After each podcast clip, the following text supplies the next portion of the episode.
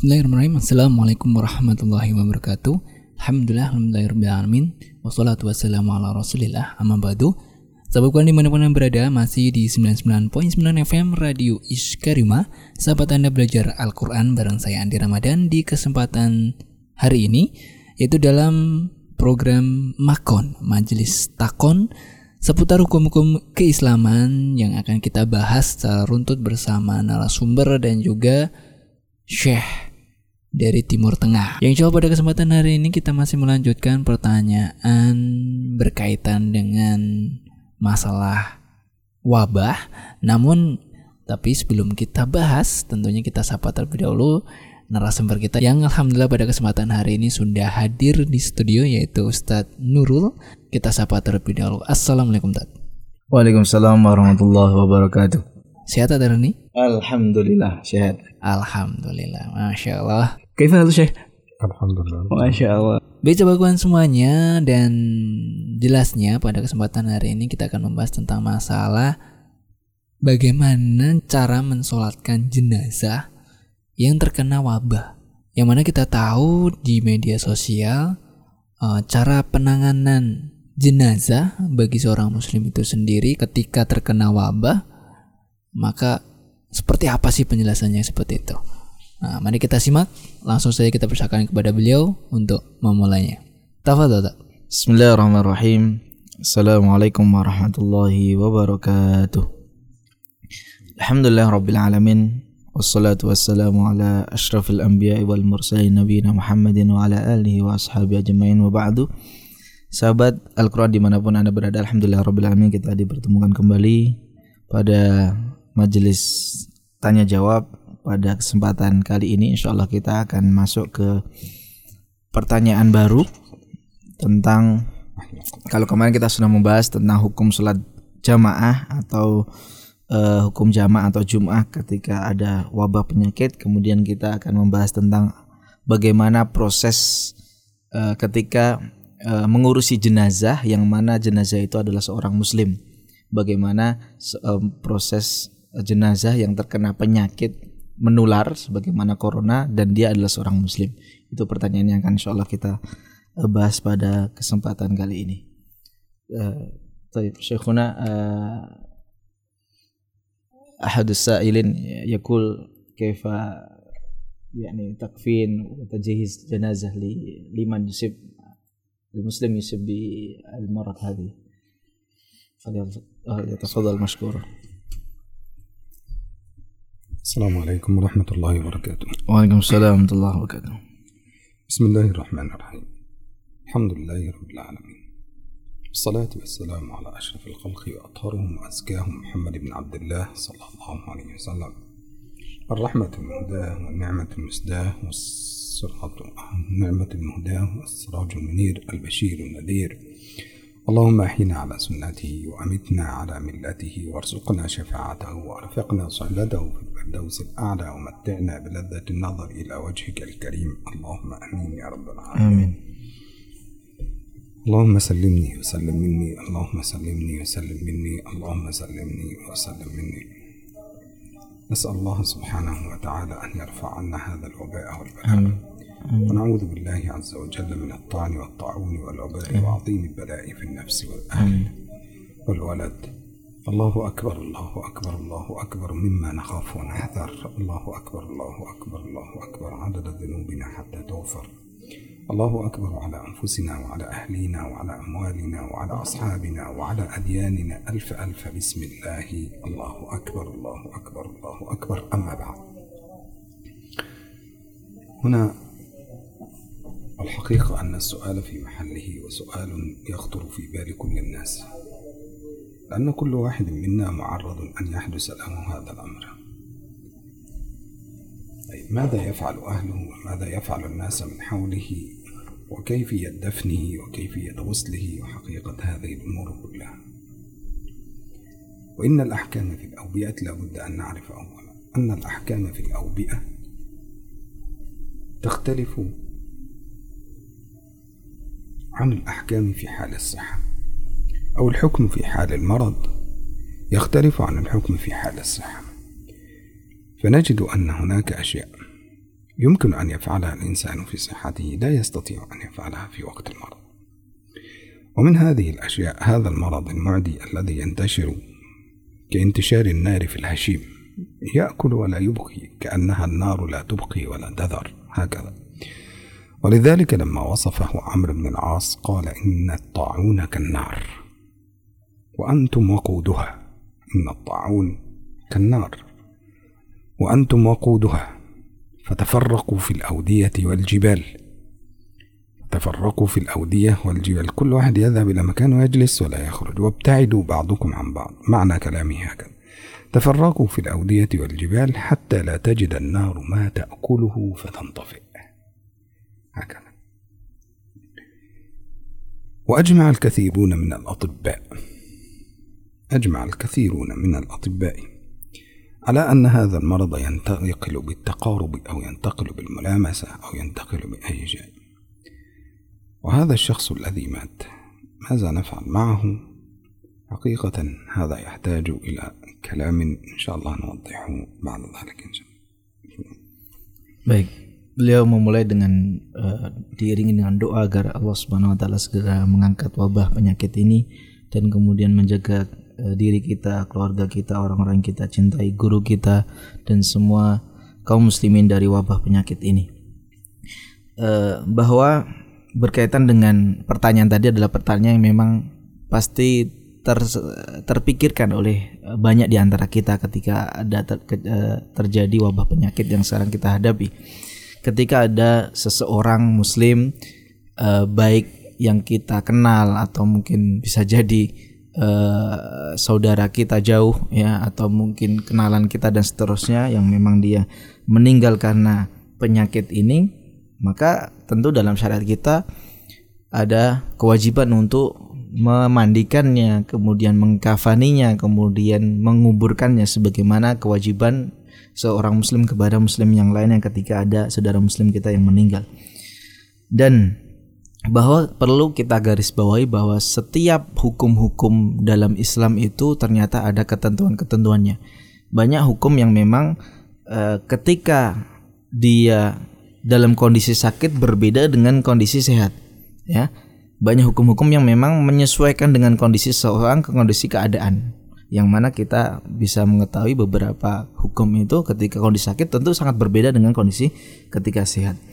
Terlebih ini adalah kondisi wabah penyakit yang mana uh, para ahli medis dalam masalah ini karena berkaitan dengan penyakit itu sepakat bahwa penyakit ini bisa berpindah dengan cara uh, tersentuh menyentuh eh, barang-barang seseorang yang memang terkena penyakit tadi atau lewat udara yang keluar atau kita sebut droplet ya, dan seterusnya. Maka maka eh, bagaimana sikap kita ketika ada hukum-hukum yang harus kita tunaikan ya? Dan kita ingat perkataan Amr bin As radhiyallahu anhu ketika eh, di masa beliau ada penyakit taun yang beliau mengingatkan bahwa menyampaikan bahwa taun itu kan nar Ta'un itu wabah penyakit itu sebagaimana api. Dan kalian semua wahai masyarakat itu adalah e, bahan bakarnya. Artinya apa? Jadi ta'un ini ketika memang saling mendekat itu manusia adalah bahan bakarnya. Ya. Maka diperintahkan oleh Amr Mas untuk berpencar, suruh ke gunung-gunung, eh, bersembunyi, berpisah Eh, di lembah-lembah tidak berkumpul ya agar apa agar api ini tidak mendapatkan uh, bahan bakarnya dan kemudian dia dia mati dengan sendirinya أما بالنسبة إلى أحكام من مات بهذا المرض فأولا نبدأ بالحالة الأولى وهو إذا كان في مستشفى وقد عرفوا أنه سيموت أو أن تظهر بعض العلامات على هذا المريض. ما الذي يجب أن نفعله معه؟ بداية يستحب تلقينه شهادة أن لا إله إلا الله وأن محمد رسول الله. وذلك لقوله صلى الله عليه وسلم لقنوا موتاكم لا إله إلا الله. ويستحب عند هذا المريض تلقينه بلا إله إلا الله. حتى ولو من بعيد ليس شرطا أن يكون من قريب. وتلقين الشهادة على حالين. إما أن يوجه إليه الصوت مباشرة فيقول له قل لا إله إلا الله إن كان يعي ما يسمع أو إن كان يعي هذا الكلام. وإن كان يفهم فإن كان يفهم ويعي لهذا الأمر فيحاول أن يجعله ينطق بالشهادتين حتى يختم له بعمل صالح ينهي حياته عليهم. كذلك إن لم يستطع أن يفعل هذا فيمكن أن يجلس بجواره أو يكون بعيدا عنه ثم يلقنه الشهادة. وتلقين الشهادة في هذه الحالة بأن يذكر قصة واحد من الصالحين أو قصة النبي صلى الله عليه وسلم أو يذكر قصة أحد ممن كان يموت. وكيف لقن الشهادة؟ أو إن كان هذا الرجل صالحا في عبادته في الدنيا فيذكره بأنه كان يصلي. فيقول مثلا والله لقد كان هذا الرجل الذي آه، ألف مثلا نرمز بألف وباء حتى لا يغضب منا أحد يعني. فلو رمزنا بالرمز ألف وقلنا أن ألف يموت وباء يجلس بجوارهم. فإن باء هذا يمكن أن يقول والله لقد كان هذا الرجل من عمار المساجد. كان يقيم الليل فكنا نراه يصلي عشرين ركعة في كل ليلة وكنا نجعل هذا الرجل نرى هذا الرجل يكثر من الذكر ويكثر من قول لا إله إلا الله. وكنا نسمع هذا الرجل يفعل كذا وكذا وكذا. ويكرر الكلام دائما فكان هذا الرجل يحمد الله كثيرا كان هذا الرجل يسبح الله كثيرا كان هذا الرجل يفعل كذا. فيمكن للمريض أن يستعين بهذا على الشيطان. يمكن للمريض أن يستعين بهذا على الشيطان وأن يتغلب على أمره فيلفظ لسانه بلا إله إلا الله. وإن كان لم ينطق بلا إله إلا الله يعني حتى ولو لم ينطق بلا إله إلا الله فإنه في هذه الحالة فهو شهيد. فهو شهيد فقال النبي صلى الله عليه وسلم الشهداء خمسة المطعون والمبطون والغريق وصاحب الهدم والحرق. الحريق يعني الذي يموت بالحرق. فهذا إذا حدث معه هذا فهذا نوع من أنواع الطاعون الذي يستحق به درجة الشهادة. أول شيء يفعل مع هذا المريض هو تلقينه شهادة أن لا إله إلا الله وحقيقة أن هذا الأمر الناس من انشغالها والأطباء وهذه الأشياء من انشغالهم بالحالات الكثيرة فممكن ينسوا هذا الشيء. ولذلك نحب أن نذكرهم فقط أن يحاولوا بجعل واحد يتخصص في هذه الأشياء. يعني ليس شيئا ليس شرطا أن يكون الطبيب. يعني يمكن أن يكون واحد من النيرث مثلا أو هذه الأشياء الذين يساعدون الأطباء. ويكون عنده حكمة في هذا الأمر فيساعدهم في هذا الأمر. حتى لا يجتمع عليهم الطاعون. وعدم النطق بالشهادة وإن كان موتهم هذا شهادة لكن مع النطق بالشهادة سيكون الأجر أجرين. ونسأل الله سبحانه وتعالى السلامة لنا ولهم إن شاء الله Baik, bahwa beliau terlebih dahulu menyampaikan tentang apa yang harus uh, kaum muslimin lakukan kepada seseorang yang mana dia dalam kondisi sebelum meninggal yaitu istihdar atau lebih kita ketika sekartul maut dan uh, istilahnya ke awal akhir-akhir hidupnya sebelum meninggal dunia ketika ada tanda-tanda memang di akhir-akhir kehidupannya kan memang sudah tidak bisa diselamatkan secara medis ya. Yang mana kewajiban uh, orang di sekitarnya adalah mentalkinkan ya mentalkin. Di mana hadis Nabi SAW beliau bersabda lakinu mautakum bila ilaha illallah. Bahwa talkinkanlah kepada eh, orang-orang uh, yang mana ingin meninggal di antara kalian dengan kalimat tauhid la ilaha illallah. Dan bisa dengan dua cara yang pertama adalah dengan memang kita talkinkan dengan uh, kalimat itu ya. Kita bisikkan meskipun tidak harus dari uh, ke dekat ya. Bisa dari jauh karena memang eh, takut terkena eh, sesuatu yang bisa menular. Dan memang eh, agar dia mendengar kemudian dia mengucapkan kalimat tauhid ini di akhir hidupnya. Bisa juga dengan eh, seseorang yang menceritakan dengan apa yang telah dia lakukan dulu di masa hidupnya bahwa dia adalah orang yang rajin sholat, rajin bertasbih, rajin berzikir dan seterusnya agar apa? Agar dia ingat bahwa dia memang seseorang yang dekat dengan Allah Subhanahu wa taala dan kemudian agar hal ini membantu dia untuk ketika di akhir hidupnya uh, menjaga ketauhidannya ya. Agar uh, kita tahu bahwa penyakit taun ini sebenarnya adalah salah satu keistimewaan umat Nabi Muhammad SAW yang mana seseorang mendapatkan hal itu kemudian dia sabar meninggal dengan taun tersebut wabah tersebut dia akan menjadi seorang syahid. Ada sebuah hadis yang mengatakan bahwa syahid itu ada lima. Di antaranya adalah orang yang sakit perut ya. Meninggal karena sakit perut kemudian karena taun karena wabah penyakit karena uh, ter uh, apa namanya uh, tenggelam karena tertimpa oleh bangunan ya. Kemudian termasuk yang kelima adalah karena terbakar lima limanya adalah disebut sebagai syahid. Maka penyakit ini menjadi salah satu uh, wasilah seorang mendapatkan syahidan asalkan dia meninggal dalam keadaan Islamnya. Maka ini ingin beliau sampaikan untuk mengingatkan terutama bahwa ahli medis yang mana uh, dia memang berhadapan langsung dengan para pasien yang menghidap penyakit ini kemudian memang dia sudah istighfar ya sudah akan tanda-tanda meninggal dunia maka jangan sampai tertinggal untuk mentalkin uh, apa namanya pasien-pasien yang memang dia sudah ada tanda-tanda ingin meninggal dunia. كذلك على من يعرف وهذا الأمر يكون على المريض نفسه وليس على غيره. الأمر الثاني من يعرف أنه مصاب بهذا المرض. في بداية المرض الحقيقة أنه أن الإنسان يعرف يعني آه، ليس في حالة متأخرة جدا يعني.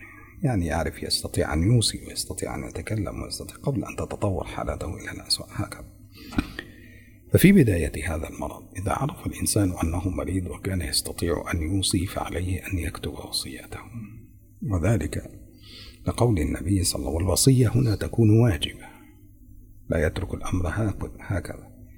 الوصية عند المرض الذي اشتد على الإنسان أو إذا اشتد على الإنسان المرض وأصبحت الوصية يعني أصبح معلوما أنه آه، مرجح أن يموت في هذا المرض فعليه أن يكتب وصيته.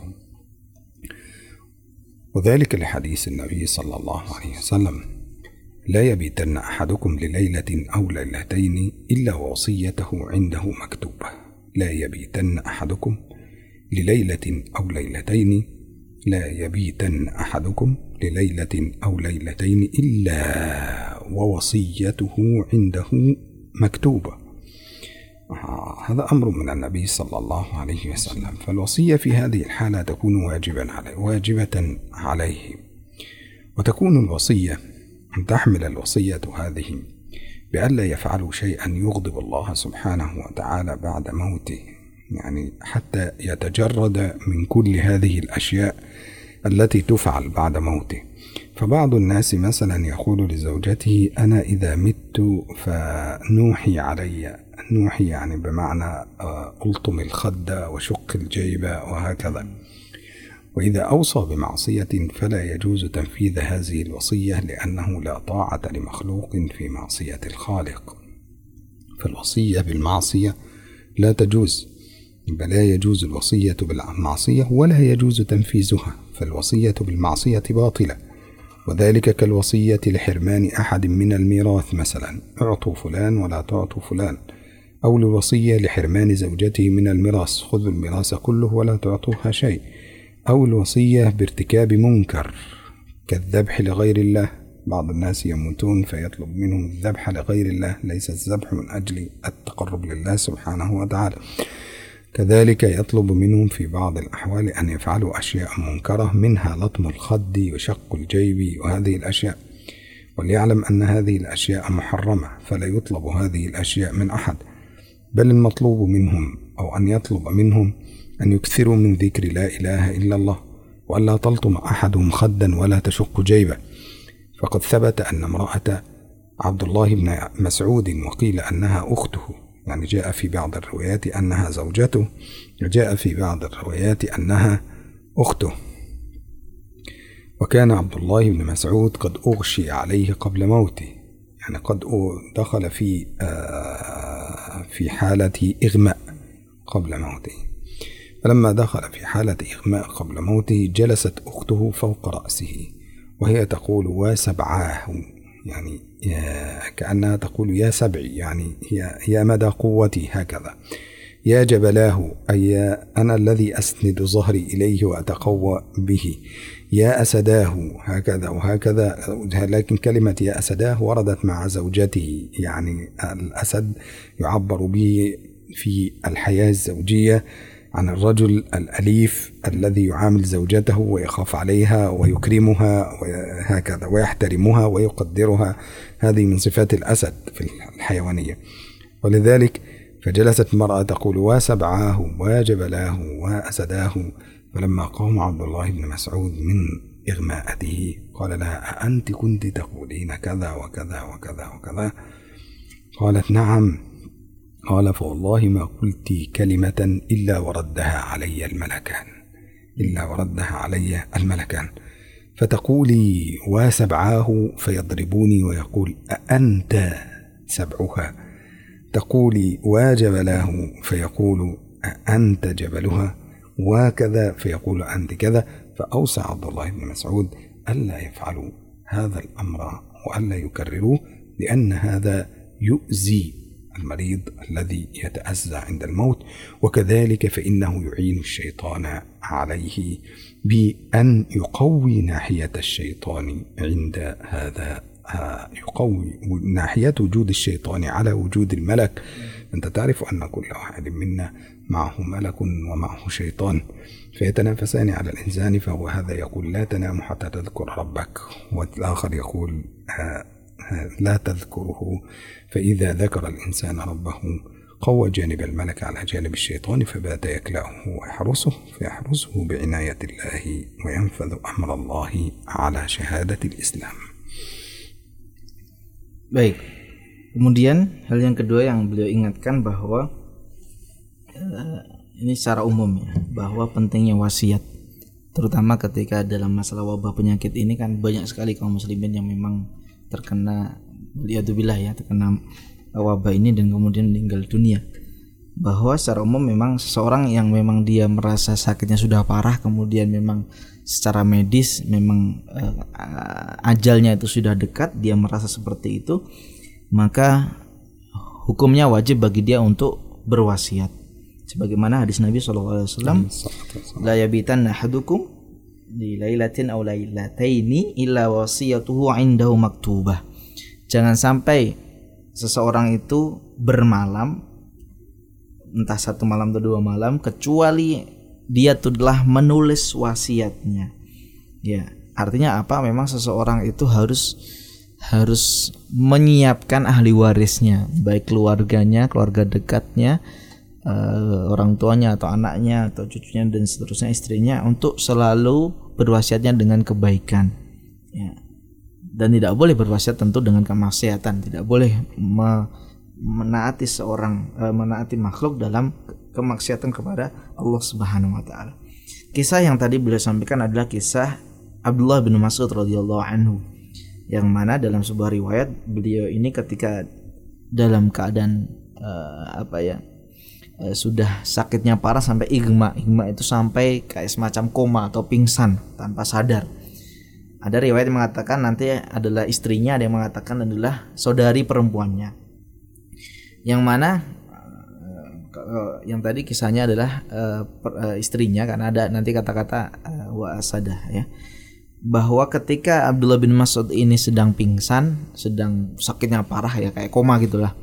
Kemudian istrinya tadi itu berdiri di atas uh, istilahnya mendekat ke kepalanya Abdullah bin Mas'ud kemudian mengatakan tiga kata tadi ya yang menunjukkan tentang uh, apa ya kelebihan atau kemudian dia istilahnya kelebihan tapi dalam keadaan dia meronta-ronta ya karena memang mau ditinggalkan oleh suaminya Abdullah bin Mas'ud.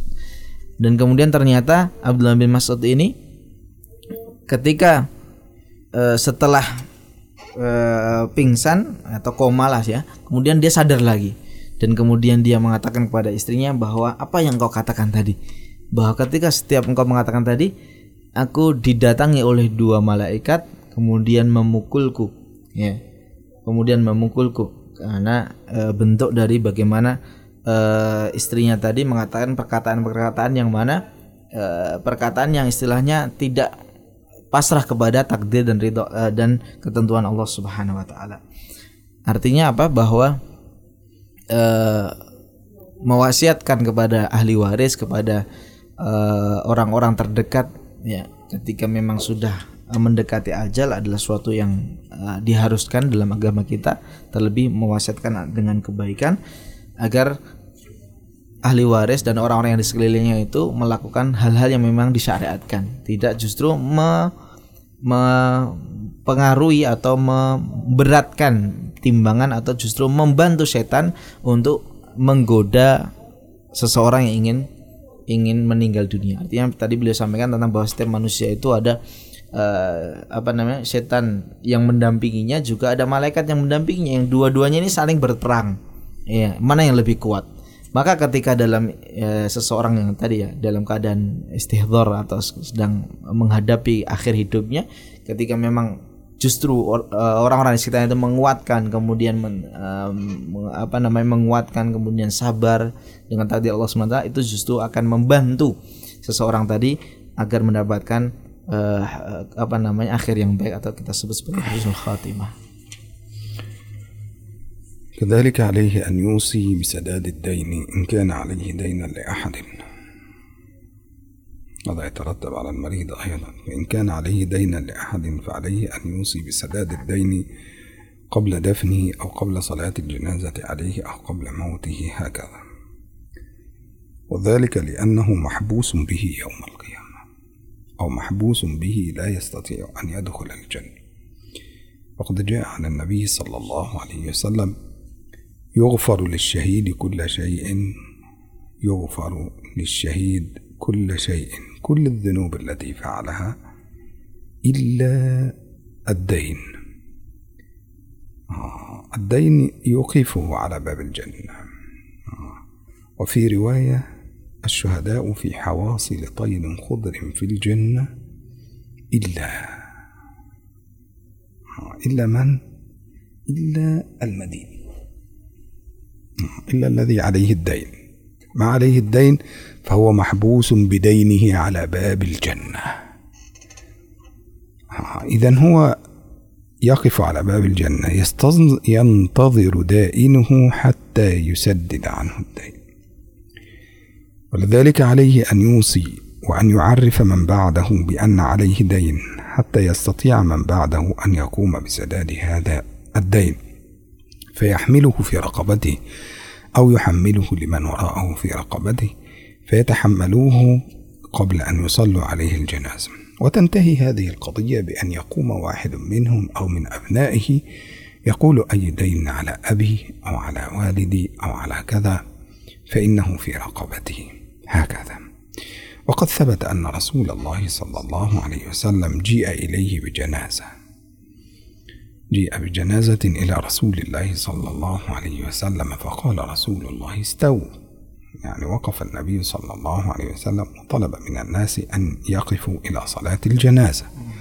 فاستوى الناس إلى صلاة الجنازة فلما توجه رسول الله يصلي فكأن جاء فكأن جبريل أخبر محمد كما جاء في بعض الروايات كما جبريل أخبر محمدا صلى الله عليه وسلم أن هذا عليه دين. وفي رواية أخرى فأراد رسول الله أن يصلي ثم استدار مرة ثانية فقال هل عليه دين؟ قالوا نعم يا رسول الله. فقال صلوا على صاحبكم. وانصرف رسول الله صلى الله عليه وسلم. فقام أبو الدرداء وقال يا رسول الله دينه في رقبتي وصلي عليه. فقال أتتحمل دينه يا أبا الدرداء؟ وهو كان قريبا لأبي الدرداء كان من أهله فقال نعم يا رسول الله تحملت عنه الدين. فصلى عليه رسول الله صلى الله عليه وسلم فالتقى بأبي الدرداء في اليوم الثاني فلم يسأله فالتقى به في اليوم الثالث لجنازته. فقال له أقضيت دينه يا أبا الدرداء؟ قال نعم يا رسول الله. في اليوم الثالث. هكذا. فقال أقضيت عنه يا أبا الدرداء قال نعم يا رسول الله. لأن رسول الله سأله في اليوم الثالث يعني من الجنازة قضيت يا أبا الدرداء قال نعم قضيت. عنه ولا يستحب تأخير الدين إذا كان عليه دين بل من الأشياء التي تعجل قبل الصلاة عليه وقبل تقسيم الورثة الميراث وقبل كل شيء أن يخرجوا دينه أولا حتى يدخل قبره وليس عليه دينا لأحد الله سبحانه وتعالى أعلم إن شاء الله Baik, hal yang uh, kemudian termasuk dalam wasiat adalah ini yang penting. Masya Allah sekali ya, Anda sendiri nggak kepikiran akan hal ini, tapi beliau menekankan sekali tentang urusan hutang piutang. Jadi salah satu wasiat seseorang yang memang sudah merasa dia memang dekat ajalnya harus segera mewasiatkan uh, orang terdekatnya, keluarganya, terlebih ahli warisnya untuk membayar hutang-hutangnya. Kalau bisa sebelum dia meninggal dunia, kalaupun sudah meninggal sebelum dia dikuburkan ya karena ini sangat penting. Ini hal-hal yang memang kita remehkan. Tapi masya Allah sekali ternyata uh, banyak hadis-hadis yang mengatakan bahwa seseorang yang meninggal dunia itu jiwanya atau ruhnya akan mahbusun bihi yaumal qiyamah. Akan ter apa namanya tertunda atau terhalangi oleh hutang-hutangnya di hari kiamat. Termasuk tertunda terhalangi dari masuk surga. Bahkan pahala yang paling tinggi adalah seorang yang mati syahid sebuah hadis Nabi SAW di antaranya yang lain adalah yukfarul syahidi uh, kullu syai'in illa dain bahwa semua dosa orang yang meninggal dunia dalam keadaan syahid itu akan diampuni kecuali satu yaitu urusan hutang kepada orang lain tidak bisa di hapuskan dengan pahala syahid. Ada hadis yang lain dalam riwayat yang lain bahwa seseorang yang mati syahid itu nanti arwahnya akan dibawa oleh burung yang berwarna hijau. Ya. Kecuali yang mana nah ini burung hijau ini akan berterbangan dan kemudian masuk surga kecuali seseorang syahid yang masih memiliki hutang. Jadi masalah hutang piutang ini adalah sesuatu yang memang sangat berbahaya, sangat harus hati-hati dan bahkan termasuk harus sesuatu yang harus kita selesaikan uh, baik yang nominal yang besar ataupun hanya satu rupiah dan seterusnya. Ketika memang itu adalah hutang yang belum diikhlaskan oleh uh, orang yang menghutangi kita, ya menghutangi seseorang tadi. Ya, ada sebuah kisah ketika Rasulullah SAW mendapati seorang sahabat yang ketika itu meninggal dunia dan kemudian Rasulullah SAW bersama sahabat yang lain ingin mensolatkan jenazahnya. Setelah siap, kemudian Rasulullah ingin mengimami, kemudian beliau dikabari didatangi oleh malaikat Jibril dan dikabari bahwa si fulan jenazah ini masih memiliki hutang. Kemudian Rasulullah SAW pun kemudian berpaling dan kemudian mengatakan sallu ala sahibukum salatlah kan kepada kepada jenazah ini. Tapi beliau tidak mau mensolatinya. Ya, bayangkan beliau tidak mau mensolati seorang yang meninggal dunia bahkan seorang sahabat yang mana masih memiliki hutang dan kemudian berdirilah Abu Darda radhiyallahu anhu dan mengatakan wahai Rasulullah utangnya akan aku bayarkan artinya hutangnya pindah kepadaku ah, atas jaminanku Abu Darda mengatakan bahwa hutangnya aku akan melunasinya kemudian Rasulullah SAW pun berkenan untuk mensolatkan jenazah tadi ya setelah Abu Dada yang mana diriwayatkan bahwa Abu Dada ini adalah salah seorang karibnya dari jenazah tadi. Dan kemudian tidak sampai di situ. Di hari pertama Rasulullah pun ketemu Abu Dada dan mengatakan, "Wahai Abu Dada, apakah engkau sudah membayarkan hutang jenazah yang kemarin?" Belum. Eh, di kedua pun dijawab belum. Sampai hari ketiga Rasulullah pun sampai bertanya lagi, "Wahai Abu Darda, apakah engkau sudah membayarkan hutang si fulan kemarin yang meninggal dunia?" "Sudah ya Rasulullah SAW." Ya. Ini mengisahkan bagaimana uh, beliau ini tidak meremehkan tidak uh, apa namanya? masalah hutang ini sama sekali bukan hal yang remeh. Maka beliau kita uh, digambarkan yang beliau ini dalam kisah tadi sampai ketika sudah dimakamkan langsung di istilahnya di ditanyakan sampai tiga hari berturut-turut kepada Abu Dada yang mana dia menanggung hutangnya tadi. Maka masalah hutang jangan diremehkan ketika memang uh, kita sendiri yang memang alhamdulillah dalam keadaan sehat jangan sampai meremehkan masalah hutang ketika memang sudah bisa untuk um, pertama ya tentu tidak ber, uh, apa tidak meremehkan memudah-mudahkan diri dalam berhutang artinya memang kalau tidak kepepet banget ya kalau tidak uh, istilahnya emergency banget darurat banget jangan berhutang. Karena masalah hutang ini berbahaya. Kalaupun ber, menghutang karena memang kepepet maka ditulis serapi mungkin. Agar kalaupun sewaktu-waktu kita meninggal dunia ahli waris kita istri kita dan seterusnya tahu kita punya hutang. Karena bisa jadi kita mau hutang istri kita tidak tahu. Orang orang terdekat kita tidak tahu dan itu berbahaya. Kita tidak tahu ajal kita kapan akan datang. Dan kemudian ketika sudah uh, dicatat rapi disampaikan ke orang lain kalaupun sudah punya untuk membayar segera dibayarkan.